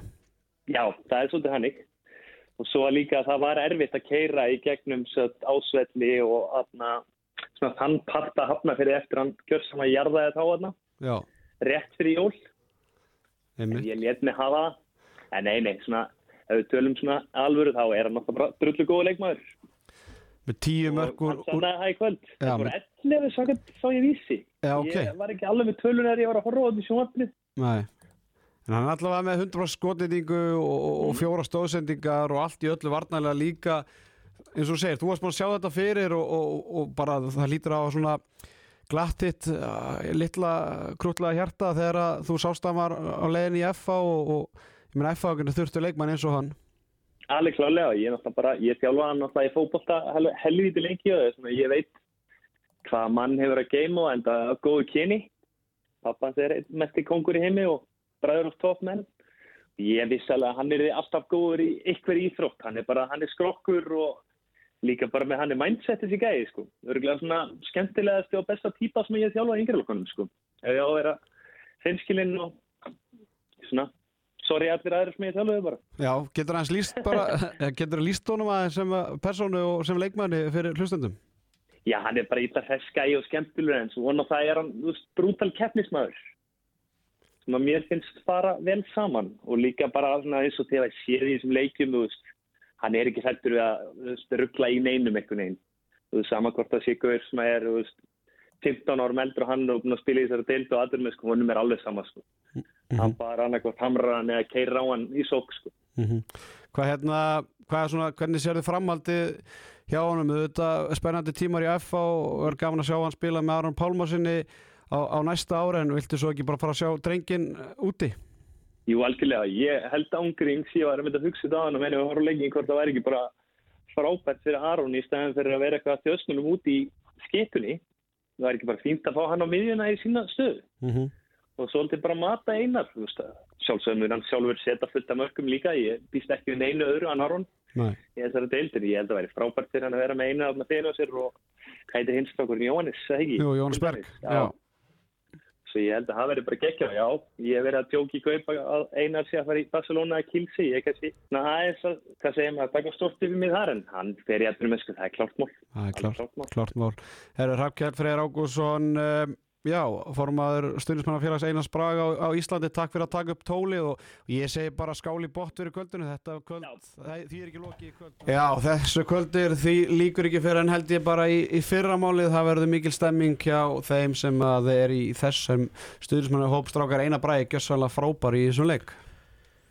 Já, bara stórkostlegur með einhver tíu mörg og, og alvöru pílur hérna langt utan að velli en reyndar uh, svolítið mikið á töpuðum boltum hjá honum. Það er svona, Það voru fimm tapaboltar í, í, í, í fyrirháleik hjá honum og ekki nema einn í setnáleik þannig að það voru, það voru bætingar þar en síðan alltaf mikilvæg líka varnalega í, í vörðin fá með eitthvað tíu löglega stöðanir þar þannig að þetta er alltaf bara leikur sem að gefa voru ef ekki tíu þá veit ég ekki hva, hvernig engarnir eru, eru hjá Hobby Stats en strákar framarnir þeir voru í tækifær hérna til að- já bara setja almennilega pressa á FH upp á annarsæti en, en núna svona fara framar FH hvernig með er konið fjóri stöðum fyrir ofan fram og eiga leik til góða þannig að svona virðist vera eins og, og hvað, framblaðaran loftið fara aftur úr henni? Fram, fram er bara alltaf svo stjarnan það ekki? Er þetta ekki bara svolítið svona erfitt að tengja tvo góða skilji, þeir vinna alltaf svona einhvern veginn, annarkvæmt leik og kannski eðlilega ég meina,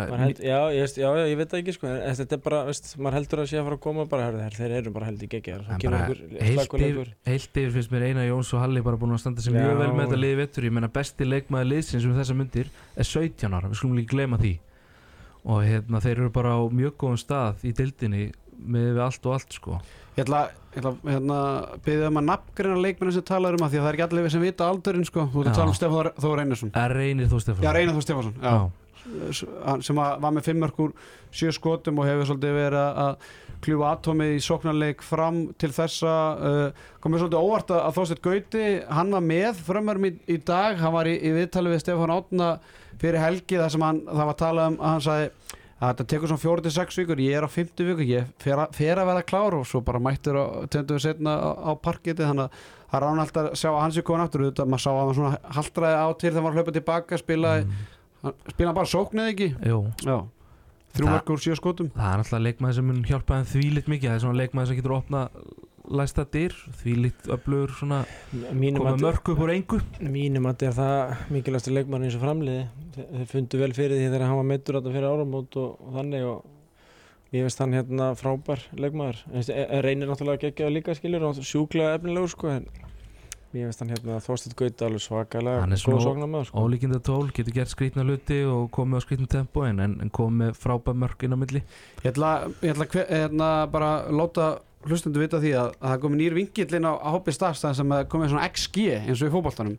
Og það vekur aðteglega að eina bræði hann er með tímur skráða á hoppi stats 11 á vísi, ég er ekki alveg með það á hreinu en hann er með 5,4 mörg í XG sem þýðir það basically að hann hefði átt að skora 5 mörg í, í þessu leik út frá því hvaða leikstöðum hann var að skjóta og allt þetta.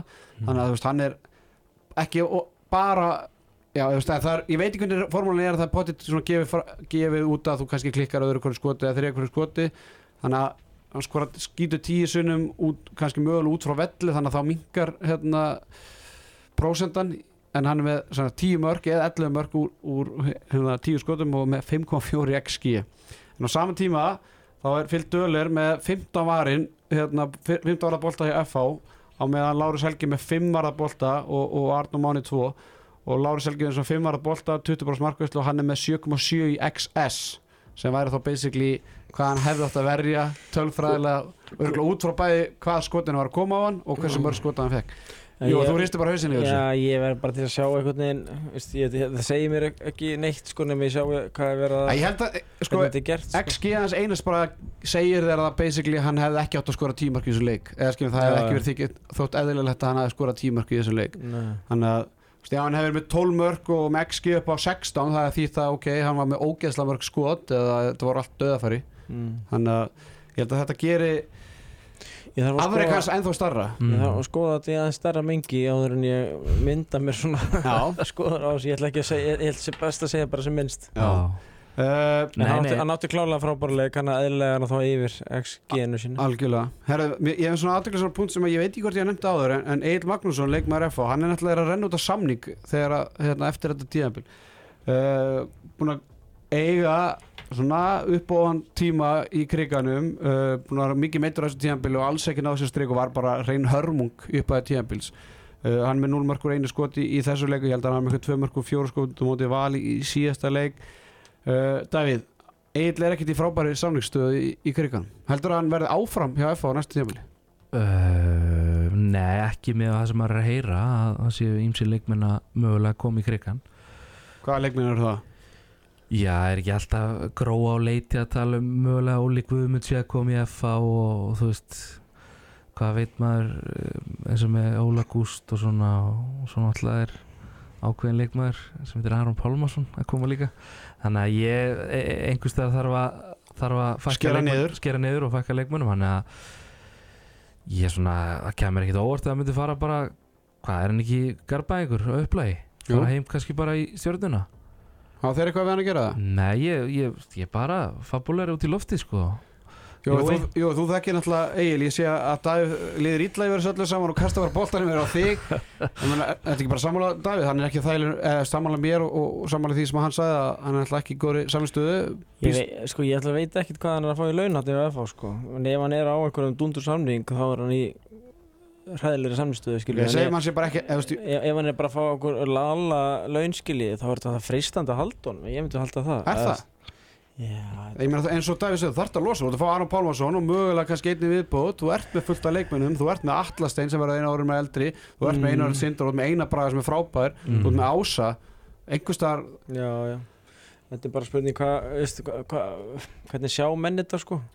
Veist, Ási er náttúrulega verður ekki ári yngri á næsta ári, hann verður ári eldri já, reyndar hefur þann kosta að hann er er einu var yngri.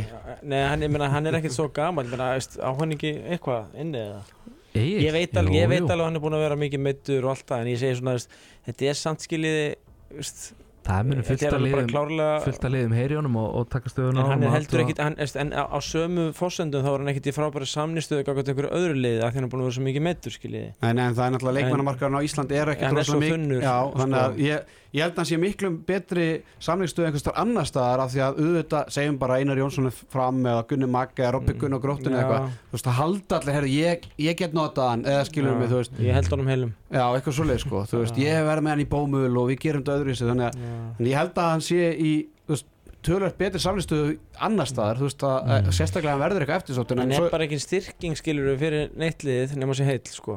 en, en í FH sem er kannski með nóga mönnum þá er það kannski X-faktor eða svona bónus leikmaður eða þeir hafa því að vera með svoleiðis gauðra sko. en en svo er spyrir hvað Jóhann Birgi gerir, veist, hann er svo bara Jóhann Birgileitum bara lítur nú bara á, á, vel út um þessi misseri sko. hann er alveg dundur leikmaður líka þessari del sko. hann er FH Já, við kannski- við erum kannski ekki búin að tötsa á því sko. Mér finnst að F1 getur bara að vera með helvíti gott lið, sko. Góðan hóp og... Já, en, en veist, jó, við meðum ekki gleyma því samt að þeir voru í leikumandi val í umferðan undan Já, já. þú veist, að, sem að maður búast við bara að hérna, þetta er bara klöts leikur, tvö Mm. bestu liðin á landinu náttúrulega bara framist að það er náttúrulega bara reynastu hörmung og Já. algjört gjaldfrátt sko. Samloka. Mér, mér fannst eins og með F-fangun Lemon samloka Já, já. Mér finnst eru eins bara og með mest bestir, skilur. Mér finnst eru bara, það er bara þannig. Mér finnst þess að með F-fangu núna, ég meina þeir voru ríkala físiskir var- varnarlega og döluðin frábær en mér finnst þetta ekkit eitthvað, au- auðvitað náttúrulega einabræði geggjar eins og kom inn á hann en mér finnst sóknarlega voru ekkit eitthvað maður feld, feld ekki tár sko yfir, yfir sóknarleikum við aðeins sko Ég virka samt svona bara aðeins þéttari og betri og með fleiri leikmenn heldur en hinliðin, skiljið, fyrir neðan þá, sko. En mér finnst þeir vera slakar en valur, skiljið, en, en mér finnst þeir líka alveg vera aðeins betri heldur en svona pakkin fyrir neðan, sko. Þannig ég, ég held að þeir verði bara, verðskulda þarna einhvern veginn í öðru settin í þessu del, sko. Svo spurði hvernig það verið í úslikefninni Ásimur pottitt fá eitthvað takk í kálvan og hvernig verið Egil og hvernig verið Jóhann Birgir og hvað gera þeir í útsláttakefni Einar Bræi og Jónas Berga fyrir sína fyrstu úrslæðikeppni akkurat, akkurat allt þetta hefur áhrif Kari Gústi Birgis já, ég á mér drauma leik haukar F á í áttalega Já. það veri veist, Það væri geggjað, geggjað, sko. svona, það væri geggja fyrir veist, fullu hvað sé kriki og líflína fyrir haukan og smá því þetta er alltaf haukar. F og Já, já. alltaf 50-50 og Já, ég meina, það væri styrla tökum aðeins smá umræðum þetta á eftir. Kl- klárum aðeins þennan leik. Einar Jónsson var í viðtali við vísi eftir leikin og, og segir við töpum með töfum mörgum en þetta ræðist að smáatröðum þeir hyrða öll frákvöst, eru með helmingi betri markvæslu en við og það var, það var meira loft í þeim, við vorum mjög slakir einu flirri ég held að við, að við förum einhver tíu döðafæri og það er ekki bóðilegt í ólistetin að klúra svona mörgum döðafærum sagt, ósáttum með það fylgdöðulega reyndist okkur mjög örfiður í dag og eina bræði skora tíu mörg og tíu skotum það er galið, þetta var ekki, þetta var ekki gott en svona er þetta bara. Svona spurður hans út í Luka Vukisevic sem að skora eitt mark í þessu leik og, og hefur ekki byrjað nægilega vel eftir áramót og hann segir hann hefur ekkert getað þessu tveimu leikin því miður þetta stendur ekki að fellum með honum. Menn geta alveg átt tvo lélega leiki. Það hefði mátt vera svona stemminga meðan leikurum var þegar það var spurt Já, viðtalagreinlega var trublaði því að það var eitthvað krakki lemmi trommur og, og, tru- og þá sagði einar greinlega að það máttu vera svona stemminga meðan leikunum var. En við vorum ekki nógu góðir sem lið og við þurfum að meira framlega frá Lúka og fleiri leikmönnum. Heldur að það er ekki létti á einar þarna við viðtalið það er eitthvað krakkar negli Já. trommu á, á sama tíma. en, en framarðin marka Kórist á markaðastu framarðin með sjö mörg úr nýju skotum. Hans besti leikur sennilega á þessu tímabili vissulega fjögur mörg úr vítum. Reynir þó með fimm, aðrir minna Lúka með reyndar hópi statskrá með tvö mörg úr, úr fjór, fjórum skotum. Stefán Darri eitt, Íva Logi Margótt og er betur með eitt mörg úr þremur skotum og aðrir minna. Uh, við erum búin að fara yfir þá leiki sem að uh, eru búnir hinga til Mér langar aðeins að grípa boltan sem við voru á þann þið voru að tala um að, að bjóða þú vildir sjá hauka hérna FH uh, í átturúslitum bara auðvitað, handboltin myndi fagna því. Uh, gefum okkur það að Valur lendi í fyrsta seti og gefum okkur það að FH lendi í öðru seti. Hvaða lið uh, enda í þriða og fjórða seti svona eins og þið sjáuð fyrir ykkur stöðuna núna. Framarnir er í þriða seti núna með 17 stig stjarnan er með 17 stig aftur líka með 19 stig. Aftur líka er í þriða seti afsakið með 19 stig. Selfoss er með 15 haukar 14 og IBA 14, nei, ja, 14 en eiga þrjáleiki til uh, eiga þrjáleiki inni. Ástæðan fyrir að spyrja ykkur er svona mér langar að velta þeirri spurningu fyrir, fyrir mér eða fyrir ykkur. Hvaða lið í 5 til 8 myndi hva, öllu vilja forðast að mæta í úsleitikefni Ég myndi, ég myndi halda haukar. Ég held að þú svona veist, Já, Já. ég myndi ekki vilja að vera öðru sett að fá hauka í, í áttarúslutum búið, margsins búið að vinna annan titil og, og að bara góða leikmenn sko. bara breytt landslag á þeim fá þess að þrjá gæða leikmenn inn í hópin svo náttúrulega líka bara IPVAF og fara til eiga og svona. Já, ég ekki gefa okkur það íbjöða fyrir lendi í top 4 með það Jú, ég held að þeir þeir eru er ekki byrjaðir sko. Afturlít ekki Ef þriðja. Þið ná að klára ég. leikina. Já, þeir fá að spila þessa leiki þá, þá verða þeir nú sannlega í veist, þriðja, fjóruða, ég myndi að halda það. Já, klárt. Með, með afturreldingu get ég trúa í svo stjarnan verði þetta í fymta Mm. sko ef við förum þýskulegina þá er íbjöða með 10 töpustíg uh, fram með 13 töpustíg uh, stjarnan er líka með 13 töpustíg aftur líka eru með 8, 9, 10, 11 töpustíg þannig að þú veist íbjöða er með færri töpustíg eins og staði núna en aftur líng stjarnan og fram og hérna 6, F með 9 töpustíg við ægum að fara aðeins þýskulegin í þetta. Ha, Mm. tala um töpustígin, við erum ekki að tala um stígin sem við erum búin að sækja því að eins og staðinu núna IBF er búin með sko 12 leiki Valur 16 F á 15, Fram 16 I er 14, Hörðu 14 þú veist, það er ekki takt að mark eða, það er ekki marka dildin almennilega hvernig stað, stöðutöflan er og, og st hvað stigar það er Nei, nema að gefa sér það íbæða verði bara í þriðja þegar ég leiki inni Já, sko, já, þú veist, það er ekkert hvernig það Ég verða meina sko. þeir eru búin að vinna 6 leiki og tapa fjórum sko, þannig að það er Já. alls ekki eftir eitthvað réttlæta það fyrir kongli presta þeir vinna endilega sem Og- þeir eru eftir Ótrúlega fáið leikir með hvað við erum stattir á árinu sko. En talandi um um að Nei, ég hef vel ekkert heyrt Jói, þú ert nú Nei. með góða tengingu. Í keeper.is er keeper.is Eh, við ekki- ekki, ekki fengið neitt tölupost varandi þennan mann náttúrulega bjóst þarna lengi í En eigum en þið hafa alltaf ekkert vel fengið hérna einhverja krísu pósta frá IBA bara herðu, við þurfum að semja keeper.is hann er ekki að verri hérna, við þurfum að kveikja þess í honum. Við erum ekki, nei, við höfum ekki verið í nennum svona Þið er ekki krísu ekki-. Við erum ekki í nennum björgunar, við erum ekki í nennum svona þannig sko. Við Nei. Við hugsum þetta meira sem long term sko Það er engin Já. krísustjórninu ykkur Nei, nei, þetta er enga skýta reddingar hjá okkur. Hvað tekur við IBA af, Davíð? Wow, million dollar question Herðu, já, ég veit það ekki ég, þú veist, þessi görur í stjórn þeir eru ekkert held ég að fara í einhvern útlending sko. ég held að eigamenn eru ekkert að nenn að fá einhvern útlending sko. en það er, það er ekki mögðum að garða gresja í, í þjálfaramarkaðinu minna heima mér datt svona fyrst í huga ef að, ef að segjum að kvennalið kannski tekur titil í vor og hvort að Siggi Braga og, og Maggi Stef taka þetta saman. Kári Kristján eitthvað með þeim hérna, ein- einhverju teimi uh, ég eiginlega, já ég bara veit það ekki sko. Jó, þú reistir bara hausinn. Ég, bara, eitthvað- ég held að Siggi Bragas ekki var að taka Nei, ég Nei, ég er að meina hann verði með Magga skilur Maggi myndi Mann taka þetta. þetta. Og Siggi aðstofan þú veist, þetta er bara nú er ég að fabulera þetta Já, lofti sko. einmitt, ég, ég, ég hef ekki hugmynd sko. Ég hef ekki hugmynd sko en, Æ, Eina sem þetta eftir bara- haugur er mitt bara Maggi Stef sko, og hvort þeir myndu að fá okkur spilandi, þjálfar, eða, spilandi leikmann með sér. Akkurat. spilandi þannig að en, en ég, vakti aðtekla því á, Twitter eh, fyrir helgi að, að hérna, ég skammast mín að hafa ekki skupað þessu af því að sérfræðingur vissi það alveg að Erlingur væri að hætta. Uh, ég, ég heyrði það fyrir áramót að Erlingur hafi bara beðið einfallega bara um að hætta um áramótin eða skilum í jólapásinu bara hvort IBF, stjórn IBF geti bara fundið þjálfara sem að hefði þá í janúar til að klára tíðanbilið því að eins og, ga- eins og kom fram í tilkynning ég man ekki hvort það komið fram í tilkynningu ykkur viðtalið eitthvað að hann væri bara komið nóg. Veist, hann væri bara þreyttur á þessu, búin að vera lengi með liðið oft á tíu með landslið og félagslið.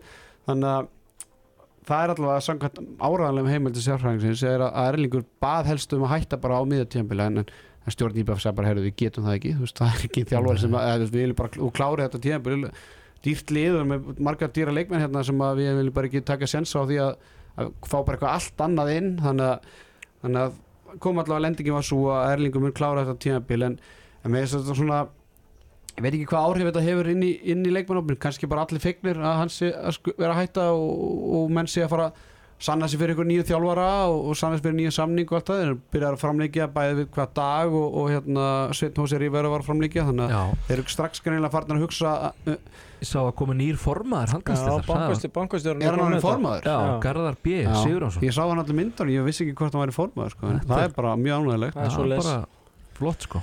En meni, já, já, er íbjöð að fengja að fara að hjóla bara í fá ekki bara flestir kvalifætt þjálfara símtali núna og ég er sammálað, ég held ég fara ekki einhvern útlending þeir taka einhvern góðan Íslending. Ég, nei, ég hugsa ekki. Nei Nei, þetta er, svona, þetta er stór spurning sko, sem hægt er að velta fyrir sig hver, hver, hvað er að gera? En það verður aðtiklislega en skal lofa ekki að því hlustundu góður að sérfræðingur verður með pötan og púlsunum þegar að því kemur og ég svona nefndi sig ekki, þetta var svona stutt eftir að ég var búin að jarða Erlingu og þá hérna í setnubilginni svo fæ ég að heyra þetta og ég svona ég nenni ekki að fara að slúðra um hann og það, þú veist, og svo þetta hendi ég svo Twitter í, í gær Mm. og það var unnur segjum að strax koma bara, þú ert með Erlingu á heilanum bara svona, er, nei, ég var að láta vita ég vissi þetta fyrir einu og hálf mánu síðan og gaf hann tækifæra blæður sér ekki en Já, mér finnst það svona verið mínu verk að ringa ég er að fá borga fyrir að fjalla um deildina að ég láti nú hlustendur og fylgjendur vita þegar að maður heyrir eitthvað og ég er náttúrulega bara að þakka kærlega þeim hlustendur sem er að hendi með þessum mólum og hérna hver það end- endriði til að halda því áfram. Það þarf nú einhver að- að að bladra og, og slúðra en, en eh, nei, unnur, ég er ekki með hérna erlinga á heilanum Svo spurning hvort þér fari í eitthvað svona reyni eitthvað óvænt, þú veist, heyri í Hannes Jón, Jónssoni eða eitthvað svona, þú veist hann er nýbúin að framlengja úti sko. Já, það er nýbúin að framleggja, ok, þá var það bara ég, þetta er bara spennandi ég heila, að pæla mikið í þessu sko. Nei. en maður svona ma, maður hlýtur að heyrir eitthvað fljótlega skiljiði, það kemur eitthvað upp Já. Herðu, strákar uh, þessu er allir saman lokið. Ég vil minna á stóraleik Vals og Benendorm í, í Evrópukeppniði Jói, þú fórst á Evrópuleik fyrir áramót. Mm. þar á leikinu þriðdæðina Herðu, það gæti bara meira verið. Kiki fjósi fyrir leik og svona? Já, eða bara kaupa sér VIP með það sko. Já, fara bara í, í, í hérna Já, fastegna söluna Já, ég var svona Það þú með þetta? Já, það er bara, bara góð hugmynd, aldrei að vita en maður bara skellir sér. Þetta er voða loðið eitthvað. Hvað, hver menn ekki bara kaupa sér með Þetta er bara mikilvægsti leikur Íslensk lis í Evrópukefni bara í fleiri, fleiri Já, ár ég hef ekki bara henda okkur saman eða? Ha, Ég skal bjóða ykkur Ég skal bjóða ykkur að báða ef þið mætið saman Já, ég er klár sleið Já, ok. Fyrir hlustendur sem vilja hitta Jóa Kýper, þá verður hann í Jórguhöllina á þriðdæðin og Dama Kristjánsson einni þeir verða saman strákarnir þar. Herðu, ég ætla að gera svo tjarfur og hendi ykkur í El Grande. Ég, ég gerði þetta í hámhangastunum þegar Dóttur fútból strákarnir voru í heimsókn. Dó- El Grande er náttúrulega liður sem að Hjörvar Hafleðarsson góðu vinnu þáttarins hefur verið með í Dóttar fútból allt og sjaldan, mér finnst þetta ekkert eðlulega skemmtunum liður. Og ég bara tek með það besta leifi að taka þetta hérna og hver veit nema þetta verður svona, nú kannski ekki segja vikulegur liður en, en þetta verður áhugavert. Þannig að ég hendi bara betanu upp strákar, þið þekkið reglurnar. Ég kem með topic og uh, jú, þú ert eldri þannig að þú fær þann heiður að, byrja. Þannig að þú fær topic svo byrjaru. Og ég nenni ekki einhver gulu spjöldum ef einhver klikkar þá bara er það þannig að það er úr leik og, og hinn aðilinn er sigurverðin í í El Grande. Við spilum El Grande í bóði ekki kefum.is heldur bara í bóði sérfræðinsins sérfræðingurinn býður betur. Herðu, talandi um stóra leiki og talandi um Íslandsmótið þá fór fram eitthvað rosalegasta úslita einvíi sem ég man eftir tíðanbili 2013-2014 þegar að Haukur og IBF áttust við í, í úslita einvinu sem fór í 8 einvið sem framfór á ásöllum þar sem Agnes Mári Jónsson frændi sérfræðingsins skoraði sigumarkið og treyði IBF Íslandsmeistar titil Spurt er í El Grande í dag nefnið þá leikmenn sem voru á skýslu í þessum leik og Jóhann, Jóhann Ingi Guðmundsson þú mátt byrja. Markúnas. Gítrus Morkúnas leikmaður Hauka nummer 32 það er hár rétt. Sigurbergur Sveinsson. Sigurbergur Sveinsson var markaðistur Haukamanna með 12 mörg í þessum leik. Agnars Mári Agnars Mári Jónsson, klókur að taka það. Hann var markaðistur Eyjamann með 13 mörg í þessum leik og treyði Eyjamönnum sigurinn. Sindri Haraldsson. Sindri Haraldsson stóð vaktina í vörn Eyjamanna. Heimakletturinn. Heimakletturinn í þristunum í ógnarsterkri 5-1 vörn Eyjamanna. Gretar Eithosson Gretar Eithosson skoraði þrjú mörg í þessum leik sá byggaróði nummer 73 Theodor Sigurbjörnsson Theodor Sigurbjörnsson hann var með þrjú mörg einn í þessum leik. Frábæri leikmaður sem hefur verið að glíma við allt og mikið að meðslum að sínu ferli sem er algjör synd fyrir okkur sem að fylgjast með deildinni. Kári Kristján. Nei, er ég að klika? Hvað sagði, ég heyrði ekki hvað það sagðir. Joey. Ég heyrði ekki, hvað sagðir, hvað nafn sagðir Ég sagði orð rétt þá sagði ég uh, Brynjóls Snær. Brynjólfur Snær, það er hár rétt Brynjólfur Snær, Brynjólfsson var að sjálfsögðu það var, ég bara heyrði ekki hvað þú sagðir á Nei, nei, ég, var, ég stamaði hérna eitthvað og þetta er bara lögbúar löngu vika. Uh, Magnús Stefánsson. Magnús Stefánsson, hann var að sjálfsögðu mikilvægur hlekkur í vörn eigamanna í þessum leik og skoraði tvö mörg einnig. uh, Er hann ekki bara á línunni í haugum á Jón? Jón Þorbjörn Jóhansson að sjálfsögðu með fimm mörg í þessum leik. Það er ennþá nóg eftir strákar, það er svona 50-50 hvað er eftir bæði haugar og, og uh, uh, IBF því er náttúrulega markmenn eftir í eigaliðinu, hver, hver stóði markinu á IBF, Davíð? Kolbeinn uh, Ingibergarsson heitinn. Kolbjörn Aron Ingibergarsson heitin var að sjálfsögðu í marki eigamanna í þessum leiku fagnaði af eh, mikilli fagmennsku. Tjörfið Þorgjesson að sjálfsögðu Tjörfi Þorgesson stýrði sóknarleik hauka mikill, mikill fagmennsku í þessum leik. Þeirra standa ykkur eins og hetjur. Þetta er El Grande í bóði sérfræðingsins hér í handkastinu. Fyrsta El Grande fyrir utan það sem fór fór í handkastinu fyrir á þessu ári þetta er ykkur liður sem verður áfram því heyrið það hlustundur, þetta er ekkert eðlilega góðu liður. Dæma Kristinsson, það komið að þér. Robert Aron Hostert Robert Aron Hostert að sjálfsögðu hinn bróðurinn í Agnas smára fjölskyldinni Robert Aron skoraði 6 mörg í þessum leik og fór gjössalega á kostum hjá nýluðum IBVF á þessu tíanbili sem eruð Íslandsmeistarar undir stjórn Gunnars Magnússonar og Arnars Péturssonar. En eh, Patrik Jónsson hann stýrði liði hauka þetta tímanbilið Jói, Er hann uh, Mattias í haugunum? þarna? Mattias Átni Ingimarsson að sjálfsögðu er hann þarna nummer 22 á línunni stóð vaktina þar eh, Átni Steinn Steinþórsson Átni Steinforsson að sjálfsögðu Dæma Kristjánsson uh, unnusti GTRN Já, mikið rétt læknir og meira Voru til gegnast batnum daginn? jú, jú. Uh, Adam Haugur Bamrúk Ánskotin, hann hlýtur nú að vera hann að sjálfsögður Adam Haugur. Bamrúk byrjaður að spila þarna tvítur og aldri Jæja, það fer að Það fer að- styttast í Það fer að þetta það fer að þinnast 13. hérna hjá okkur Já, það eru sex betur. leikmenn eftir í haugum og sjö leikmenn eftir í á eh, IBVF Vá maður, núna er komið að því mómenti ég er bara pínu blanko sko Nei, nei, við við hefum nóg eftir, við hefum bara einn reynslubolta í liði hauga, uh, tveir örfundi leikmenn eftir í haugunum og Elias Már að Halldórsson sjálfsögði Elias Már Halldórsson, nummer 8 það er ekki að spyrja því.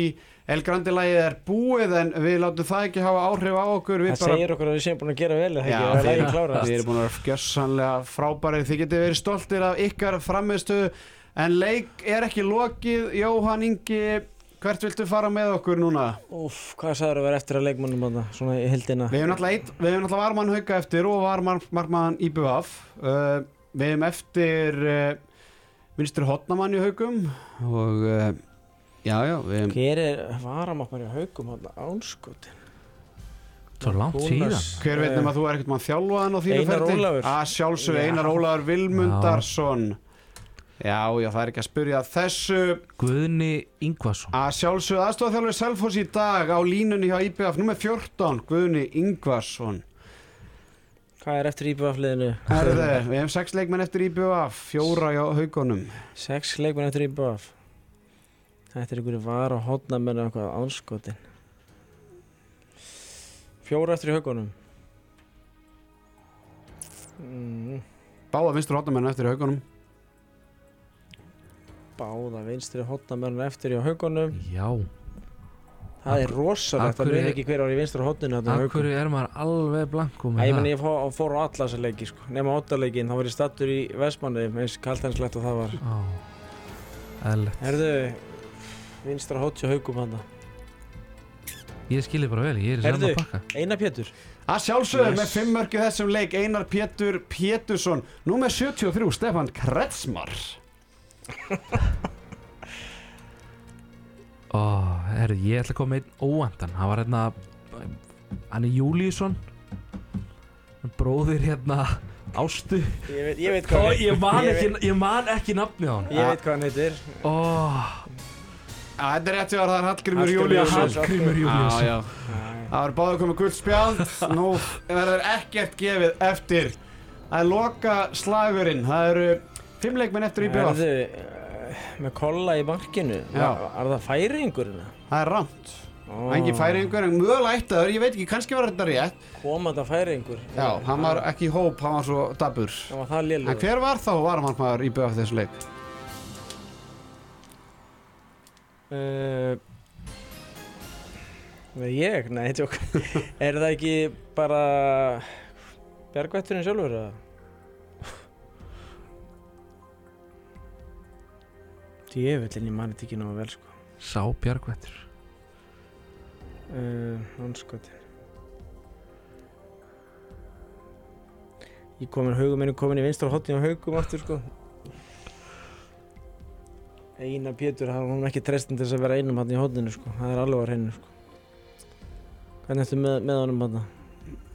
Þetta fer, hendur er komin upp, það eru fjóru sendingar eftir Jóhann. Brynjólfur hinum megin. Hver á með Brynjólfi? Mér langar að segja Arnar Ingi, ég veit að það er ekki rétt.